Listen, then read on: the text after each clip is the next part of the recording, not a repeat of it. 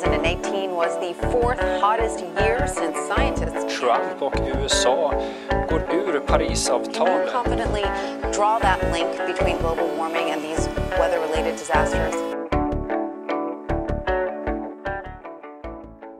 Jättevälkomna till ytterligare en säsong kan man ju säga av Planet och politik eh, med mig Lorentz Tovatt. Eh, Jättekul att komma igång här. Eh, Jag har haft en, eh, ett ganska så långt eh, juluppehåll här. Eh, Men nu kör vi eh, som tidigare. En gång i veckan varje måndag kommer eh, podden ut. Eh, Vi ska faktiskt börja lite där vi slutade i höstas, nämligen vi ska prata flyg. Eh, och vi ska prata med Erik Wahlström som eh, är nationalekonom och som eh, har skrivit en rapport om regionala flygplatser för Timbro. Eh, den heter Vingar för skattepengarna och eh, handlar just om hur mycket underskott eh, de regionala flygplatserna går och att de blir subventionerade. Och jag ska bara säga det att när det här avsnittet kommer ut så är det faktiskt så att det pågår en folkomröstning i Västerås om den kommunala flygplatsen i Västerås. Och förtidsröstningen har satt igång. Så att om, du, om det är så att du bor i Västerås så passa på eh, och rösta i den omröstningen om, om Västerås flygplats eh, framtid helt enkelt. Eh, jag tänker att jag inte babblar mer än så utan sätter igång avsnittet.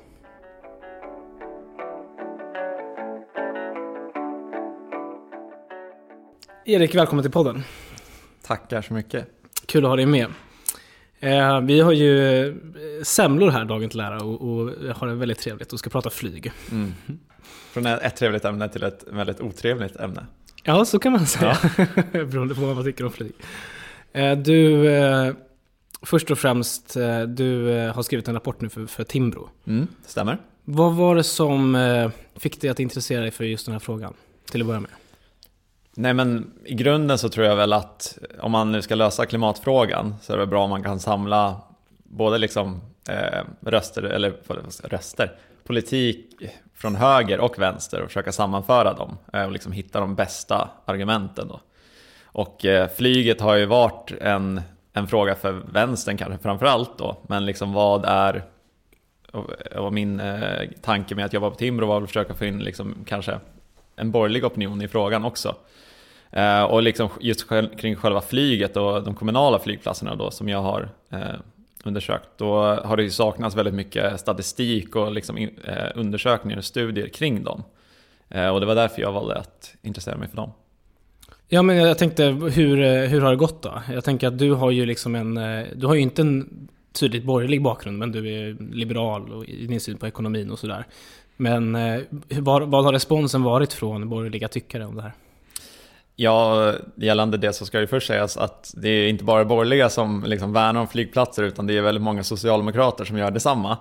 Ehm, men jag tyckte det var det har varit intressant att det även finns en, det finns ju splittring kan man säga bland de borgerliga partierna också för att eh, Moderaterna oftast är ju de som försvarar flygplatserna kanske allra mest. Men i till exempel när eh, nu under eh, strax innan pandemin, eller under pandemin tror jag det var, så var Ängelholms flygplats då, eh, eh, det var riskerat att det skulle läggas ner. Eh, och det var ju privatägt sedan innan och då gick kommuner ihop och köpte den flygplatsen. Och då var det en liberal, ett liberal kommunalråd i Landskrona som sa att det ska vi inte göra. Aha. För det är inte en del av den kommunala kärnverksamheten. Så att det finns ju Men det, det vad- finns ju röster både från höger och vänster som vill, eh, eller som tycker att det finns bättre saker att spendera skattepengar på än just flygplatser. Men eh, det exemplet är intressant för där var det väl flera kommuner som gick ihop sig. Ja, Men det var, det var lätt av så att säga Helsingborg va? Och där finns det en borgerlig majoritet va? Tror jag. oh, det vågar jag inte svära på, men Ja. det kan vara så. Jo men det tror jag att det är. Det, det, det, mm, men ja, intressant. Men, men ändå, eh, likt förbannat, jag tänker att din ingång här var att du ville ha... Du tycker att eh, flygfrågan ofta har, liksom kidnappats från vänster ifrån. Och så ville du liksom visa på en liberal politik för Mm. flyget. Om man tänker sig typ ledarskribenter eller liksom brett inom politiken sådär. Vad, har, har du fått med dig folk på det här? Ja, DN nämnde faktiskt eh, den här rapporten på sin ledarsida en gång, Ja, eh, kul. vet jag. Eh, så att det har ju fått en viss spridning i alla fall. Men eh, vi får ju se nu framöver efter pandemin om det blir en, liksom, en riktig fråga. Man ser ju nu i, i Västerås till exempel så är ju eh, det finns ju liksom en, en, flera partier som driver för att lägga ner den flygplatsen, men där hålls det emot från borgerligt håll. Som menar att, eh, och då återigen Moderaterna i spetsen som menar att det är eh, värt pengarna helt enkelt att eh, täcka upp de förluster som flygplatsen där har. Just det. Det är kul med Timbro ändå. Jag, jag drar inte alltid jämnt med Timbro som du kanske Nej, det vet. behöver man nog inte göra alltid. Nej, men det är kul ändå därför att just det här som du har eh, landat i i din rapport, det vill säga offentliga subventioner av miljö, alltså saker som inte är hållbart miljömässigt. Det är ju någonting som ligger ganska lätt inom räckhåll för Timbro om man bara ville. Och ändå så fokuserar man oftast på att kritisera miljö, alltså subventioner för miljösyften. Eh, men med jämna mellanrum, med ungefär tio års mellanrum, så kommer det en sån här rapport där man säger att ja, men vänta nu, vi ska kanske titta på subventioner som går till klimatskadlig verksamhet också. Förra gången var det ju Maria Wetterstrand, eller hur? Jag tror, att det, jag tror att det var tio år sedan ungefär. Ungefär. Hon skrev med Mattias Svensson ja. om fiskesubventioner om jag inte missminner mig. Jag tror att det var bredare än så. Men var det bredare än så? Fiskesubventionerna var ja. tror jag, en stor del av det. Ja. Ja, så det kommer med tioårsbasis. Men nu har de ju satsat på, om jag nu, nu ska jag inte göra reklam för Timbro här, men de har ju anställt en eh, klimat och miljökrönikör eller en, en, en reporter eh, i alla fall. De har ju en nättidning som heter Smedjan. Eh, som har rekryterat en från Dagens Industri vet jag. Ja men exakt, hon har varit på ledarsidan mm. där och nu skulle hon bli programchef kanske för Ja, miljö... till och med så kanske. Mm. Ja. ja, det blir jättespännande. Jag har haft en del synpunkter på hennes texter. Men, eh, men hon, är, hon är nog absolut begåvad så att det blir spännande. Du, jag tänker, du får äta din semla så ska jag dra lite bakgrund här ändå. Eh, och du får också avbryta mig om det är någonting. Men så här, först ska jag bara säga att vi, jag har ju spelat in ett poddavsnitt ganska nyligen med eh, Madeleine van der Feer eh, från WWF, där vi pratar om flygets utsläpp. Så jag ska inte dra allt för mycket nu, men jag tänkte ändå att vi kan, vi kan säga någonting eh, om hur det ser ut med utsläppet från flyget. För det som ganska ofta liksom nämns i debatten är att flyget står för en väldigt liten del av de totala utsläppen. Och det är ganska ofta för att man liksom är lite kreativ med hur man redovisar siffrorna, kan man säga. Så först och främst ska vi säga att om man tittar på Eftersom flyget är en del av vår så att säga, konsumtionsutsläpp, alltså det är, det är ju inte någonting som redovisas som svenska nationella utsläpp, utan det är en del av de konsumtionsbaserade utsläppen. Eh, så om vi, om vi börjar med att titta på just konsumtionsperspektivet, på hur mycket släpper då svenskar ut totalt, så är det mellan 8 och 9 ton per person per år.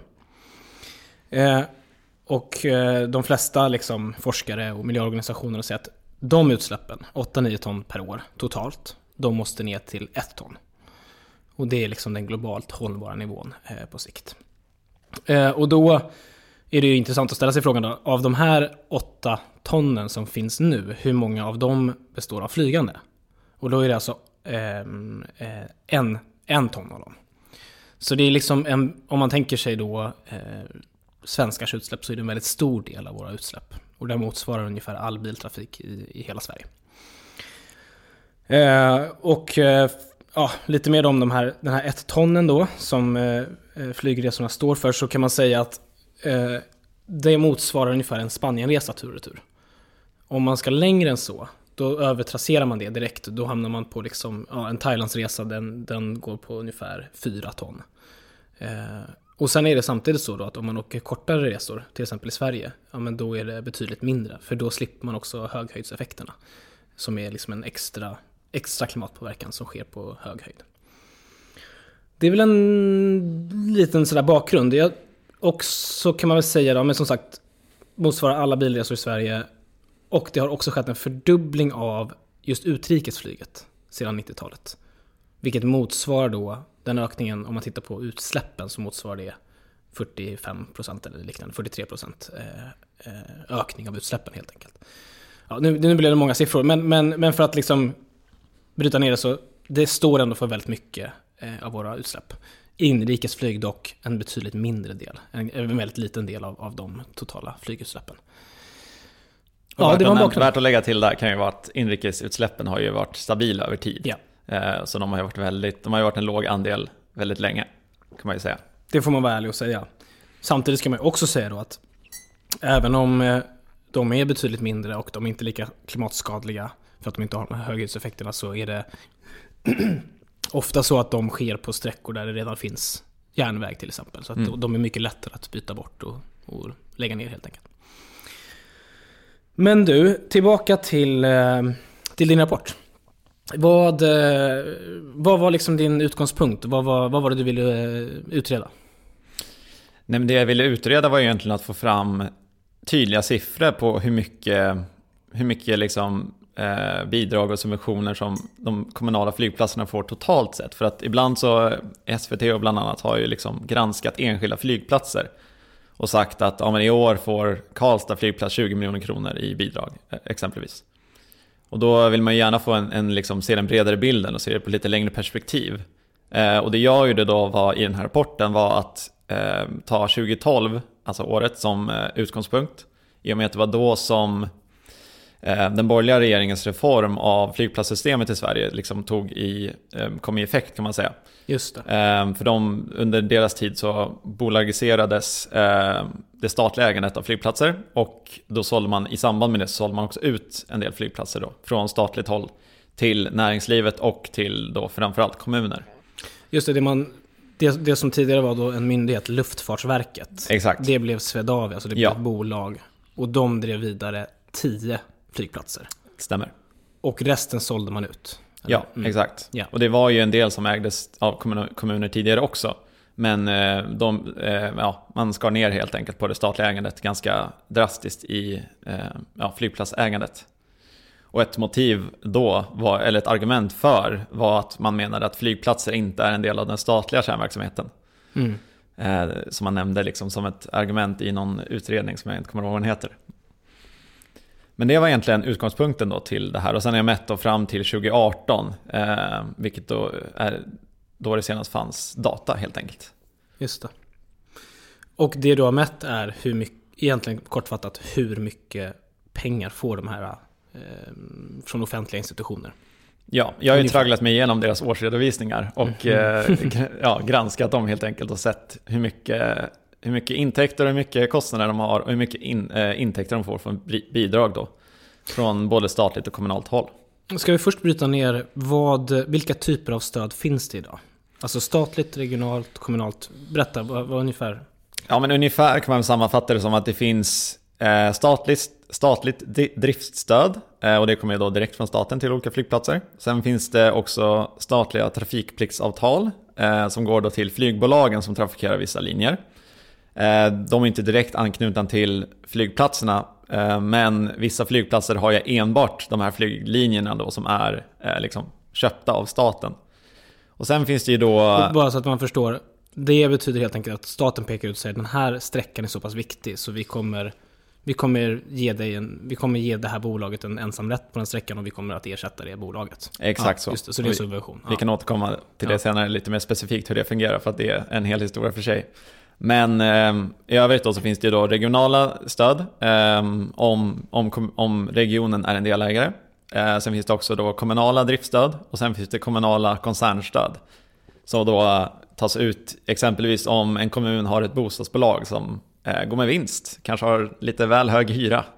Och då kan kommunen då ersätta eh, flygplatsens eh, underskott genom att ge dem lite pengar i koncernstöd. Mm. Så det är inte bara de här liksom driftstöden då som är liksom budgeterade, jag säga. Utan det finns också om, om man har andra bolag inom kommunen som går med eh, vinst så kan man eh, ge det i koncernstöd till flygplatserna. Och visst är det så att eh, inrikesflyget, eller till och med hela flyget inom EU är ned, har nedsatt moms också? Eller till och med helt slopad moms? Den eh, är jag inte helt säker på, men det är, jag tror att det är, har varit momsfritt. Ja, jag tror det. Mhm. Jag, jag, jag får återkomma till det. Men det, det tror jag är också en sån subvention som man pratar om. Ja, flyget i, i sin helhet har ju varit, ganska, har ju varit väldigt skattesubventionerat. Mm. Kan man säga. Det har ju varit liksom eh, ingen skatt på bränsle, och, eller väldigt lite skatt i alla fall. Eh, och framförallt då på långa distanser där EUs utsläppshandel inte täcker. Eh, så att, ja, vi kommer ju komma till lite mer data kring, eller liksom diskussion kring exakt hur det har gått för flygplatserna då under den här perioden. Eh, Mm. Men man kan väl säga att, ja, de har varit väldigt subventionerade. Mm. Och trots det så har det inte gått så bra för flygplatserna. Precis, och, och man, vi ska ändå bara säga någonting om EUs utsläppshandel, för det ska ju täcka då ja, olika industrier inom unionen helt enkelt med, med ett pris. Eh, och det som gäller nu är väl, om jag har förstått det rätt, att alla flyg, flyg som landar inom EU, eller som, som, eh, som startar och landar inom EU, de täcks av utsläppshandeln, eller hur? Ja. Men inte andra. Nej, så om man flyger till Thailand så täcks inte det. Och utöver det ska man säga att eh, höghöjdseffekterna täcks inte heller. Nej, det gör de inte. Så att även om de får betala lite för sig så är det fortfarande liksom i, i underkant om man jämför med till exempel vad biltrafiken eller ja, vad, vad som helst annars eh, får betala. Exakt, och så har man en del fri utdelning där också. Som gör att Just det är gratis att, ja, det är, ingår i utsläppshandeln men det är fri tilldelning och därför blir det gratis ändå. Just det. Ja, det är en skattefrälse kan man säga. Ja, exakt. Vad... ehm, Okej, så man- men låt oss gå in på hur, hur de här flygplatserna då klarar sig. Vad, vad kan du säga på, på generell nivå då? Ja, men vi kan väl börja med att liksom säga att eh, liksom i brett, och så, alltså, Sverige har 39 flygplatser och 26 av dem är kommunala eller regionala. Eh, och det är ju då 10 stycken som är statliga och sen är, ja, det har varit tre stycken som är, har ägts eh, privat då, men en har ju då gått över eh, till kommunalt också. Under, eh, ja, det, det skedde under när jag skrev den här rapporten. Eh, och då gällande hur eh, man kan väl dra lite kring hur resenärsantalet har påverkat också, för det är ju själva liksom, det är så de går runt, genom att ha resenärer. Och då har ju de statliga har ökat från 32 miljoner eh, 2012 till 42 miljoner eh, per år då, 2018. Medan eh, antalet resor hos de kommunala flygplatserna har legat still på 2 miljoner. Så redan där börjar man ju ana att någonting kanske är tokigt. Och eh, Trafikverket nämner faktiskt att en tumregel för att en flygplats ska vara eh, gångbar rent ekonomiskt är att den ska ha 400 000 eh, resenärer per år. Och det är en kommunal flygplats som har det, och det är Skellefteå. Oj, och resten har inte Tre har, därefter kommer tre stycken som ligger på runt 250 000 per år och sen resten har lägre. Mm. Och då kan man ju också börja ana att det kommer nog inte se så bra ut i årsredovisningen. Eh, och det gör det inte heller. Eh, för att om man ser enbart då till den egna verksamheten, om man liksom skalar bort alla de här bidragen, så har de kommunala flygplatserna mellan 2012 och 2018 då redovisat ett underskott på cirka 300 och, me- eh, mellan 300 och 450 miljoner kronor per år. Eh, och då totalt under den här perioden så uppgår underskotten till 2,7 miljarder. Mm. Och det, är mycket, det är ändå jäkligt mycket pengar. Och de ökar ju också, så att det är inte bara att det är mycket, liksom, att det ligger stabilt över tid, utan att det har också ökat eh, ja, mer än vad ska man säga, pris, den allmänna prisökningen i, eh, under de här åren. Så att underskotten blir ju bara större och större. Och där ska man också komma ihåg när du säger så att det här, din mätperiod är 2012 till 2018, det är alltså innan corona. Ja, Så att med corona så har de ju förstås slagits sönder helt ja hållet, exakt. Så nu är det ju. Ja. förmodligen på, ja nu är det ju på bot- bottensiffror. Ja. Men, här även är innan, men även innan så såg det väldigt, väldigt illa ut. Ja. Mm. Och det är därför det, det blir väldigt intressant nu att se framöver vilken, liksom, ja, hur man vill göra med flygplatserna helt enkelt. Eh, I och med att pandemin kommer ju som sagt slå ut deras ekonomier. Eh, och då får man ju se, det blir upp till kommunerna att, att eh, rädda vissa helt enkelt och eh, alternativt inte rädda dem. Ehm, Eh, lite kuriosa kan man väl säga att, eh, eller ja, Linköping prövade för att rädda sina underskott så prövade de att ha en kurs för flygrädda 2013. För fly, sa du? En kurs för flygrädda. Eh, det, de har underskott efter det också kan jag säga, så jag vet inte, antingen så hade de för få flygrädda eller så ja, vet jag inte om de, de kanske fortsatte vara flygrädda. Jag måste också bara sticka in med, med kuriosa, för att det är en, en intressant trend har varit att till exempel Helsingborg, som nu då har gått in och räddat eh, Ängelholms flygplats, de har ju tidigare haft ett internt klimatväxlingssystem eh, mm, eh, där de helt enkelt tar, alltså i förvaltningen på kommunen så säger de så här, tar du flyg, ja då får du betala extra och de pengarna tar vi och lägger på, på järnväg. Nu då, när, eh, när, eh, när Ängelholm då eh, liksom skulle gå i konkurs om inte de gick in och räddade, så då, då är det helt andra saker som, ja, så uppenbarligen så vill de ha kvar det. Men det som var intressant var att när de hade genomfört det så funkade det jättebra. Men sen så när man märkte att okej, nu går det inte så bra för, för eh, flygplatserna. Eh, Ronneby kommun, de gick ju in och gjorde motsatsen. Bara för att de ville rädda sin liksom, eh, eh, eh flygplats. Så det är verkligen sådär, eh, ja, det har funnits liksom tendenser till att man vill göra någonting och sen så bara, oj, nu håller det på att gå åt helvete, då får vi gå in och rädda ändå. Liksom. Ja. Jo, det är ju där vi är lite i diskussionen nu då med pandemin, att eh, liksom, ska, ska flygplatserna räddas eller inte? Det är ju det som är den politiska frågan och det som är på flera håll i, i, eller flera håll i landet. Det är ju både i Västerås och i Karlstad och ja, nu även Bromma då. Eh, ser liksom var eh, partierna positionerar sig helt enkelt. Mm. Yes, fortsätt på din... Ja, ehm, och om man, om man då tittar på de totala underskotten eh, mellan 2012 och 2018 då, så har Karlstad, Örebro, Norrköping och Västerås haft störst underskott, vardera med över 20, eh, 200 miljoner kronor. Eh, och per passagerare då, så har Hagfors, Torsby, Pajala, Sveg Härjedalen och Kramfors Sollefteå haft störst underskott. Och de har vardera haft över då 1000 kronor eh, ja, underskott då, per passagerare. Eh, så det är inte heller så bra. Betyder det i praktiken då, jag som inte fattar här nu, men betyder det i praktiken att skattepengarna har, skattebetalarna har betalat 1000 kronor per biljett? Ja, så kan man ju säga egentligen. I och med att om man slår ut underskotten per passagerare och eh, då kommunerna har ju då täckt upp det här. Det är ju inte bara kommunerna, det är ju staten också då, som har delat ut eh, driftstöd.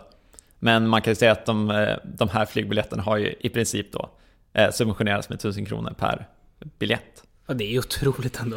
Det är ju ja, väldigt mycket. Det, det är väldigt mycket. Ja, ja. Um, så det är väl egentligen den liksom ekonomiska, eller underskotten kan man ju säga. Um, om man då kommer till bidragen då istället, eller subventionerna, så har um, de som sagt får de kommunala flygplatserna subventioner och bidrag från staten och från eh, kommunerna och regionerna. Och de har ju då också ökat i takt med att underskotten har ökat. Ehm, så då, då har man ökat från 280 miljoner eh, från år 2012 då, till eh, 410 miljoner 2018. Och det är en ökning med 9% per år, så de ökar i snabbare takt än vad underskotten eh, ökar. Och totalt då har bidragen uppgått till över 2,5 miljarder kronor i rena stöd under den här perioden. Och om man ligger till då de här trafikpliktsavtalen då, som vi pratade om tidigare där eh, staten går in och ger ersättning för en viss flyglinje så uppgår bidragen till hela 3,2 miljarder kronor under de här eh, ja, åren. Då. Och det är ju liksom, visst det är mycket pengar men eh, det är svårt att liksom det är svårt att omfatta på något, eller liksom ta i på något sätt. Um, det blir lite mer konkret om man säger självfinansieringsgraden och går in på varje flygplats och säger att okej, okay, när de här eh, intäkterna hur stor del av dem kommer från bidrag då, respektive den faktiska verksamheten.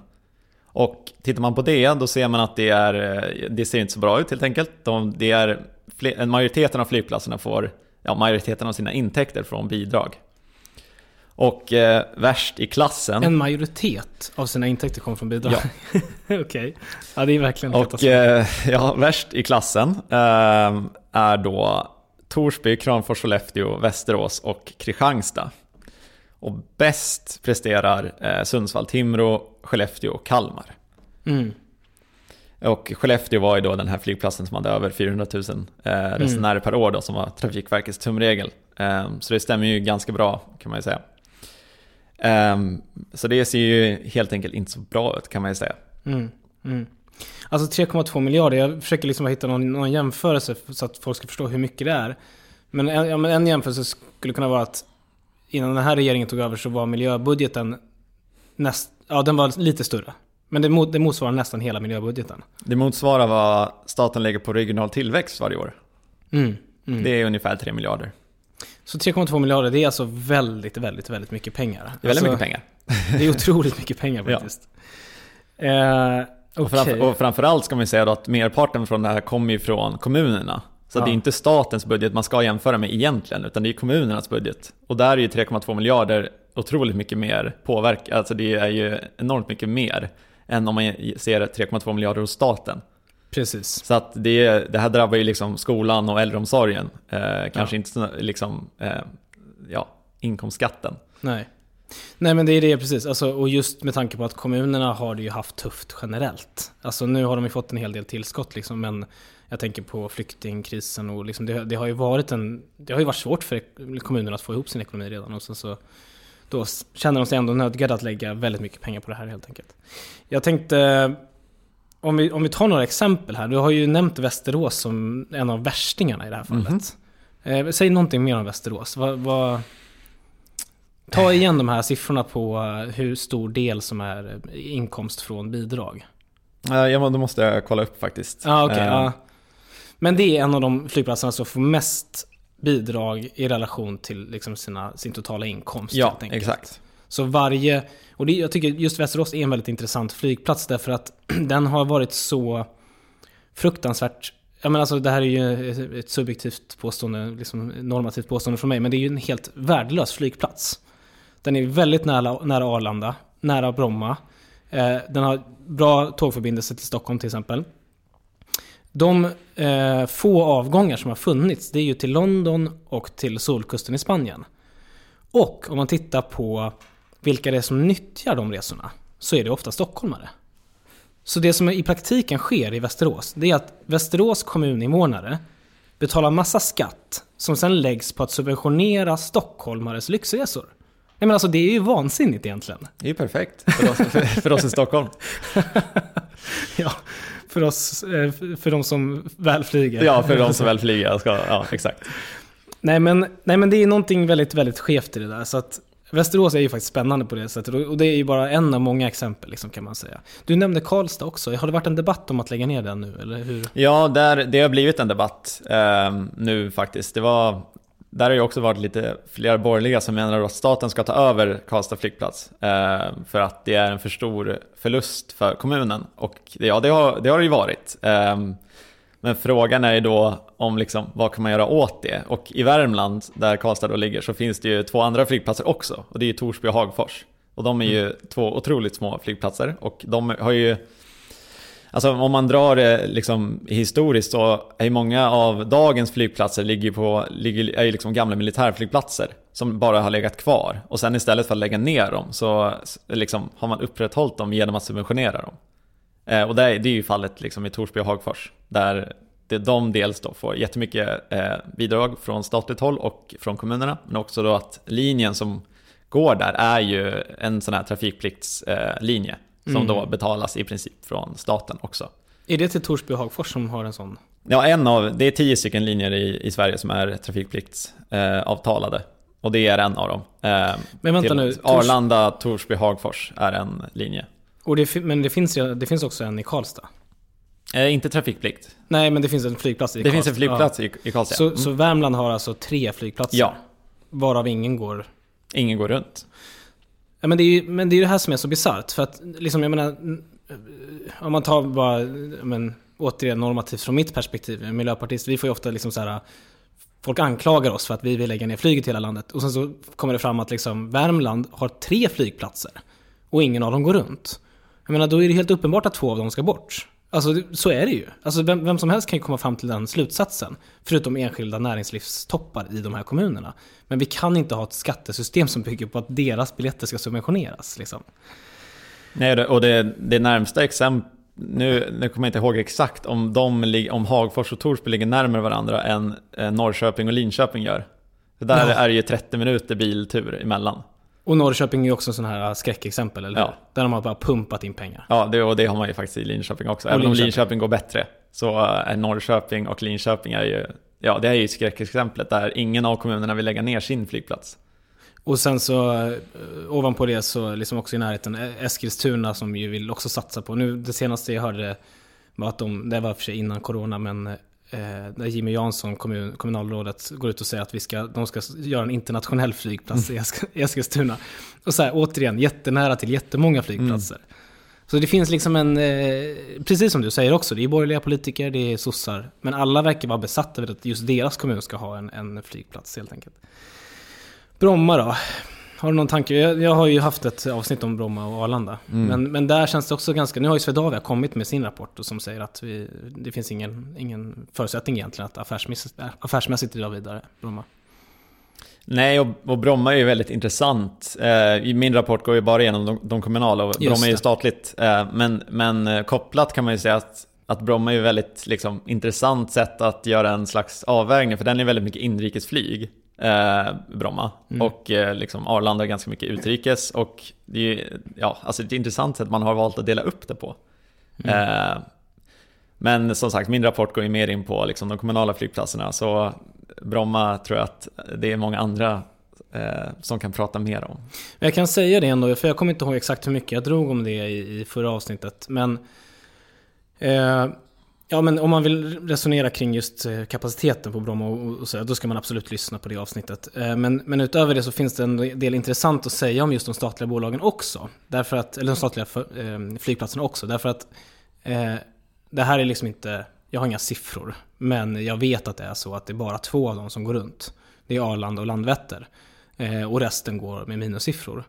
Eh, och det som kan vara intressant utifrån ett coronaperspektiv nu, som är värt att veta om, och jag hoppas jag inte sa detta i förra avsnittet, men det är att det som händer när bolagen, nej, när, när flygplatserna går dåligt, det är ju att de måste höja sina avgifter för bolagen. Det vill säga, Bromma visar på negativa siffror, då måste Swedavia agera på det och då måste de helt enkelt höja avgiften för de flygbolag som trafikerar Bromma. Och det gör ju att de får sämre kalkyl. Då kan inte de erbjuda lika billiga flygresor till sina kunder. Eh, och det gör att de går omkull. Så att när man tittar på tillgänglighetsperspektiv eh, så, så säger Swedavia till exempel att ja, men om vi lägger ner Bromma nu så får det ungefär samma liksom, konsekvenser på tillgängligheten i Sverige som om vi bevarar Bromma. Och det kan vara värt att liksom förstå den aspekten av att det går inte bara att driva på de här eh, flygplatserna hur som helst. Utan det kommer också med ett pris i form av högre kostnader för bolagen. Vilket kommer spela över på minskat resande. Eh, och att bolag, bolag går i konkurs helt enkelt. Så att liksom allting hänger ihop i, i en kostnadsbild som oavsett om man vill det eller inte finns där. Eh, och det är antingen skattebetalarna som får ta smällen eller så kommer bolag gå i konkurs och liknande. Ja, och kopplat till det kan man ju nämna att gällande det statliga, så alltså skillnaden mellan Swedavia då, som äger de statliga flygplatserna och de kommunala flygplatserna är att Swedavia eh, kan använda korssubventionering. Så om Arlanda och Landvetter nu går plus då, då kan ju de täcka upp för förlusterna som de andra flygplatserna har. Exakt. Eh, och Arlanda och Landvetter går ju väldigt mycket plus, så att de får ju liksom, Swedavia som helhet går ju plus, eh, i alla fall innan pandemin. Och det kan ju inte de kommunala flygplatserna göra. Och ett, ett vanligt liksom, argument där då, som nämnde bland annat då i Karlstad, att man vill att staten ska ta över flygplatserna igen. Men det går inte, för att EUs statsstödsregler tillåter inte det. Eh, och det, ah, det trafik, Trafikverket har sagt det, eller Trafikanalys eh, menar att det, statsstödsreglerna liksom, eh, de säger emot det.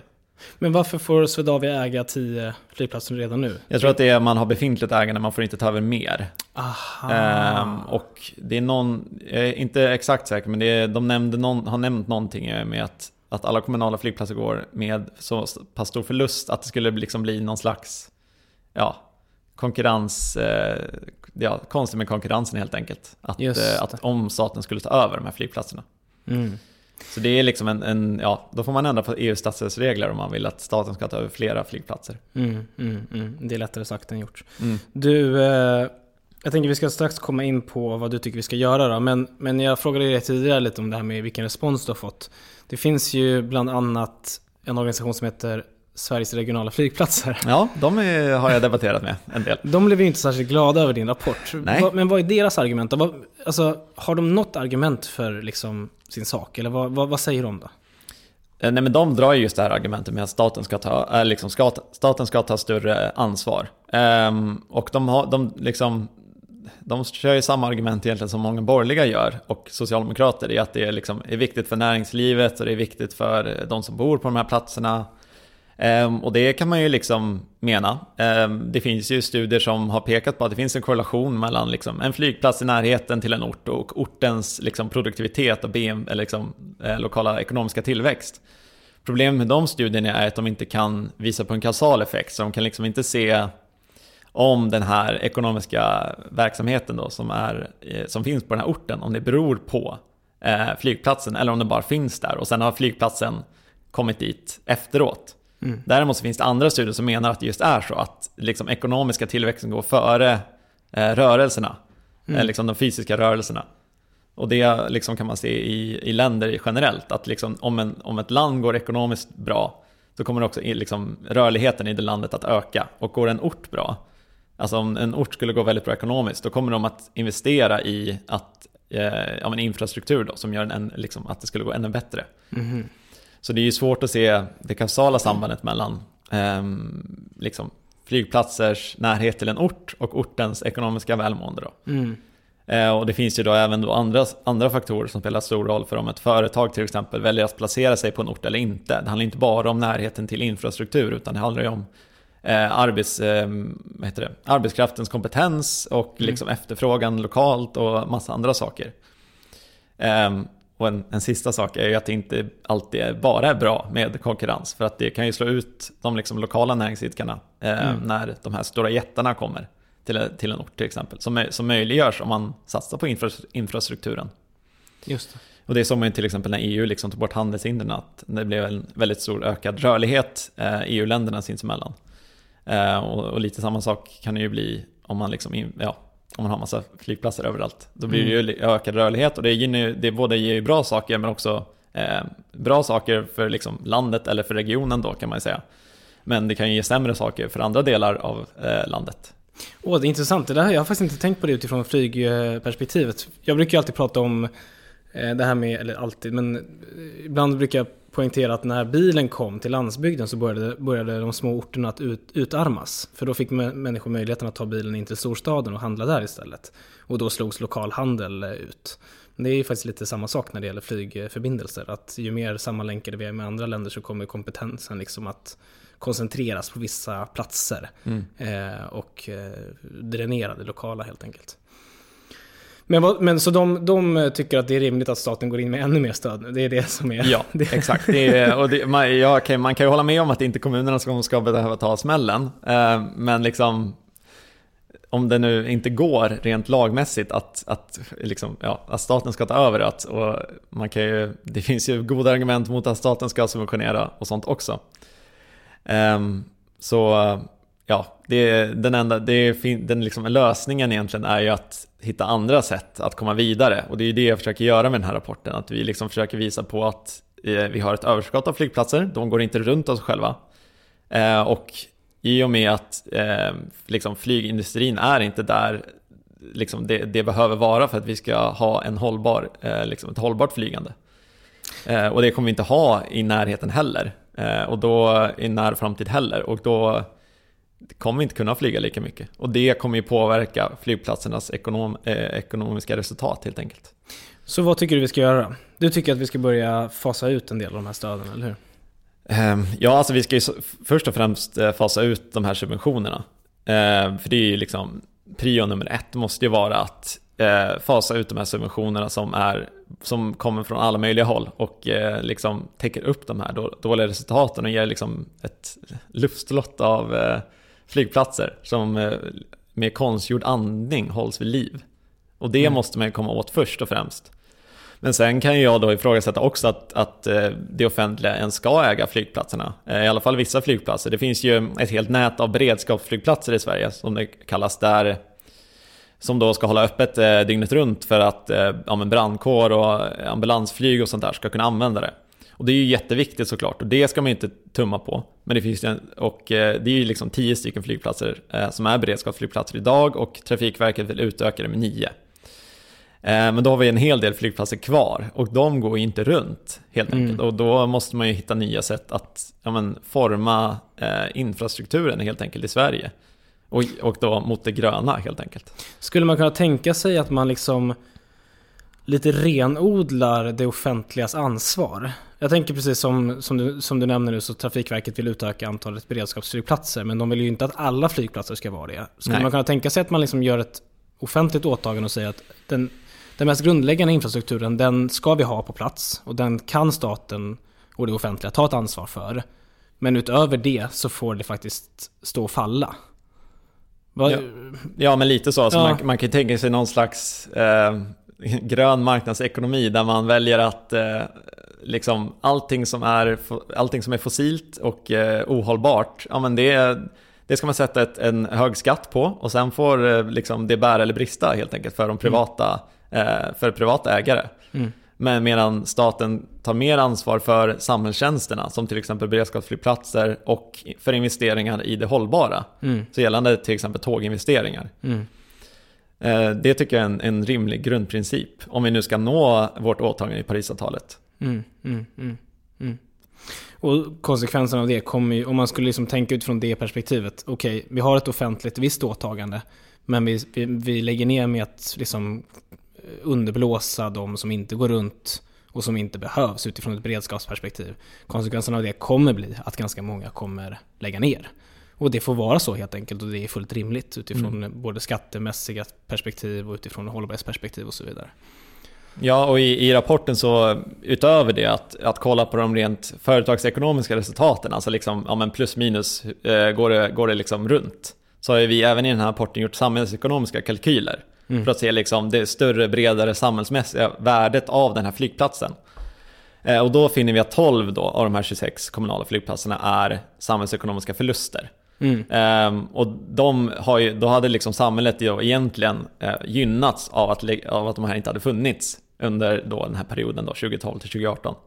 Just det. Så de hade man ju i praktiken kunnat lagt ner och samhället hade liksom gynnats av det. Mm. För att de, de eh, kostnaderna som de medför väger inte upp för de nyttor då som mm. de eh, skapar. Vilket mm. ofta då är restidsvinster jämfört mm. med att åka bil eller i vissa fall åka tåg.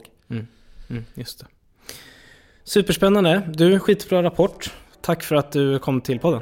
Tack så mycket för att jag fick komma.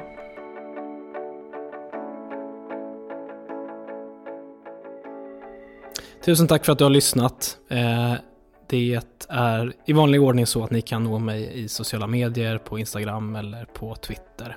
Om det är någon, någon fråga eller ett, kanske ett tips om kommande gäst och så vidare.